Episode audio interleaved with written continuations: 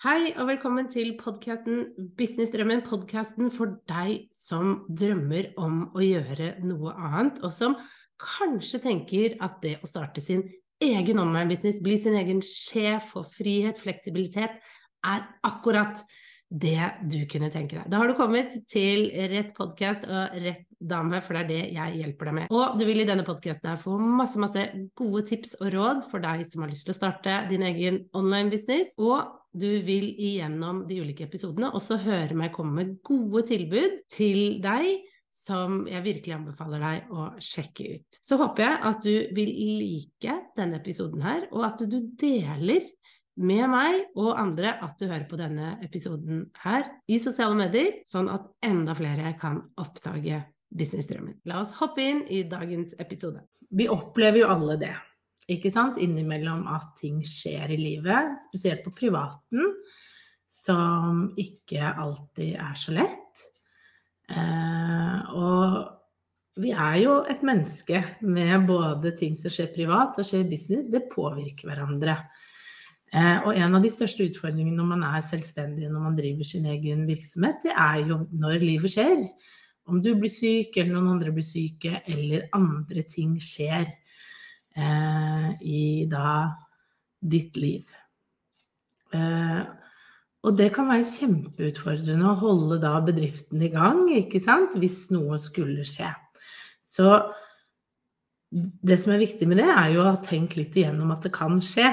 ikke sant? Det kan skje at du blir syk.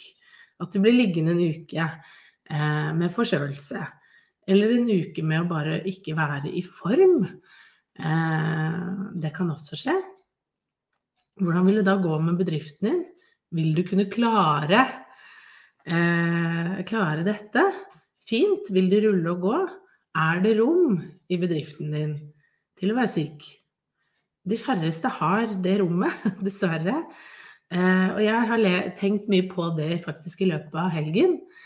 Eh, hvordan kan man passe på at man hele tiden har en bedrift som, som ruller og går på en klok og smart måte? Eh, og det er jo en del ting man kan gjøre ikke sant? ved å få, få kunder inn. Hvordan bygger du e-postliste sånn at det hele tiden fyller på? med nye folk, det er jo én ting. Eh, men så er det noe som skjer etter det igjen. Hva, hva, for du skal jo følge opp disse kundene. Hva om du ikke klarer å følge opp kundene, hva skjer da? Så det er litt sånn utfordring til deg denne uken å tenke gjennom hvordan bruker du penger du får inn eh, klokt senere. Og det er kanskje ikke alltid sånn at man har så mye overskudd, men jeg har i hvert fall begynt å tenke på Eh, at jeg skal begynne å se på bedriften sine midler for å finne ut hvordan jeg kan lage en maskin på andre siden òg. Investeringer, rett og slett. Putte pengene mine inn i kloke investeringer, altså bedriftens penger, inn i kloke investeringer som vil lønne seg på sikt. Så det er litt sånn utfordring for deg òg å tenke gjennom det at kanskje det kan være lurt å putte penger i fond.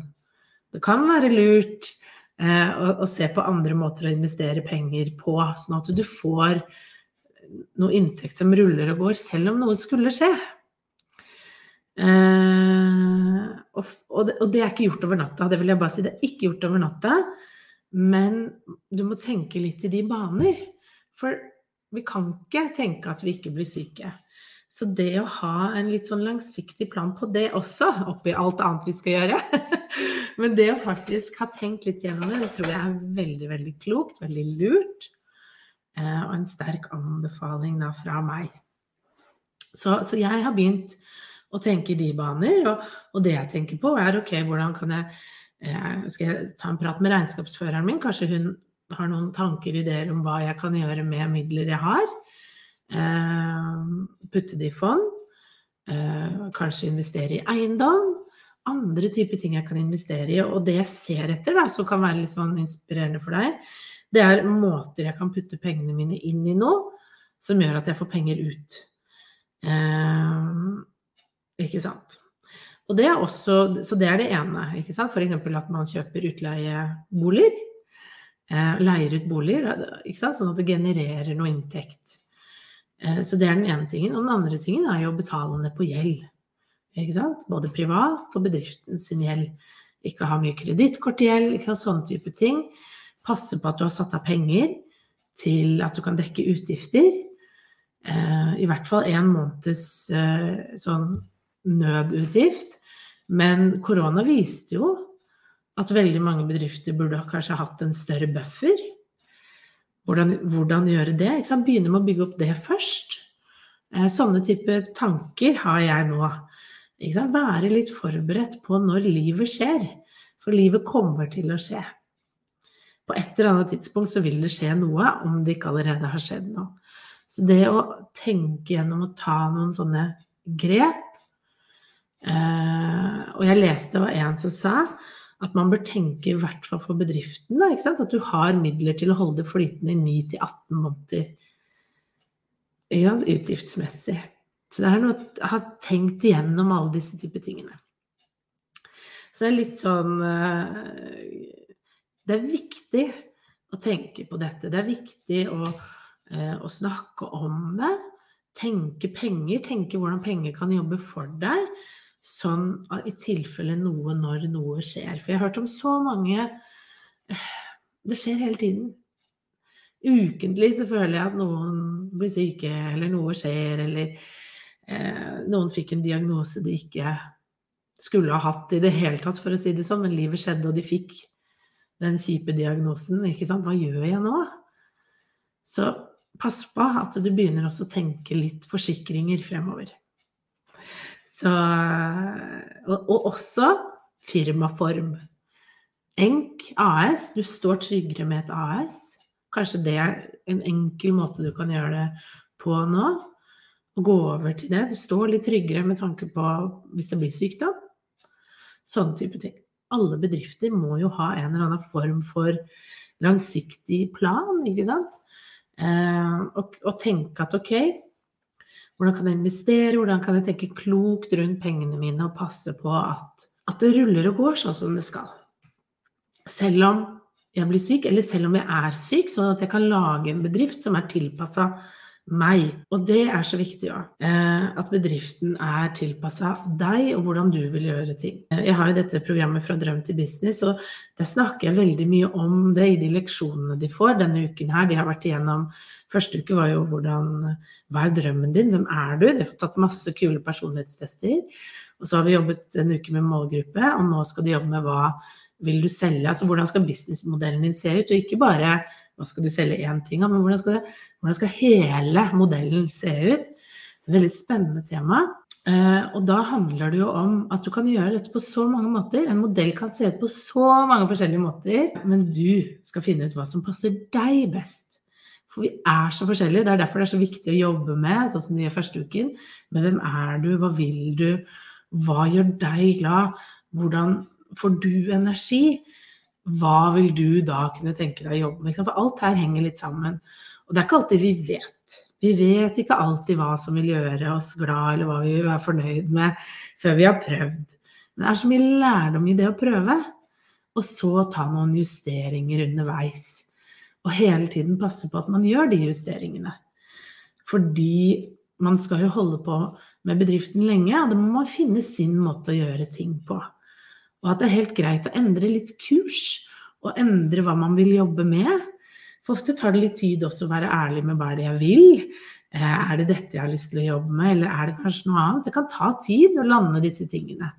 Eh, og det er så viktig å da å våge å reflektere over sånn som jeg gjør det nå, er det bra? Er jeg fornøyd med det? Eller burde jeg gjort ting på en litt annen måte? Som passer mer til meg. Eh, og faktisk stikke fingeren litt i, i jorda, er det ikke det man sier? og ta grep, da. Sånn at det blir riktig for deg. Det er kjempeviktig. Og for min del så skal, skal jeg ta et grep nå inne i sommerklubben. eh, som kanskje ikke vil være positivt for mange. Som eh, noen vil reagere på og synes er kjipt. Men dette er en endring jeg gjør fordi jeg ser nå at jeg skal skifte litt hvordan jeg gjør ting. Og det er også en endring jeg trenger privat. Eh, og så får vi se hva, hva, og hvordan det går. For jeg tenker jo at det, endringer er Eh, det er bra. Det er fint å teste og prøve nye ting og se ok, funker det hvis jeg tar det bort. Eh, funker det hvis jeg legger til dette? Funker det? Og kanskje dette kan være en veldig sånn fin anledning for deg til å se på ok, bruker jeg tid på de riktige tingene? Gjør jeg det som er riktig for meg? Eh, for ofte så kan vi tro at det er så viktig at vi gjør det, men så er det egentlig ingen som Det er ikke det som egentlig er det viktige.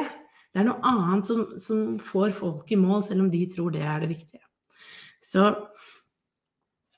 ta med deg det at kanskje du skal se på et par ting i din bedrift.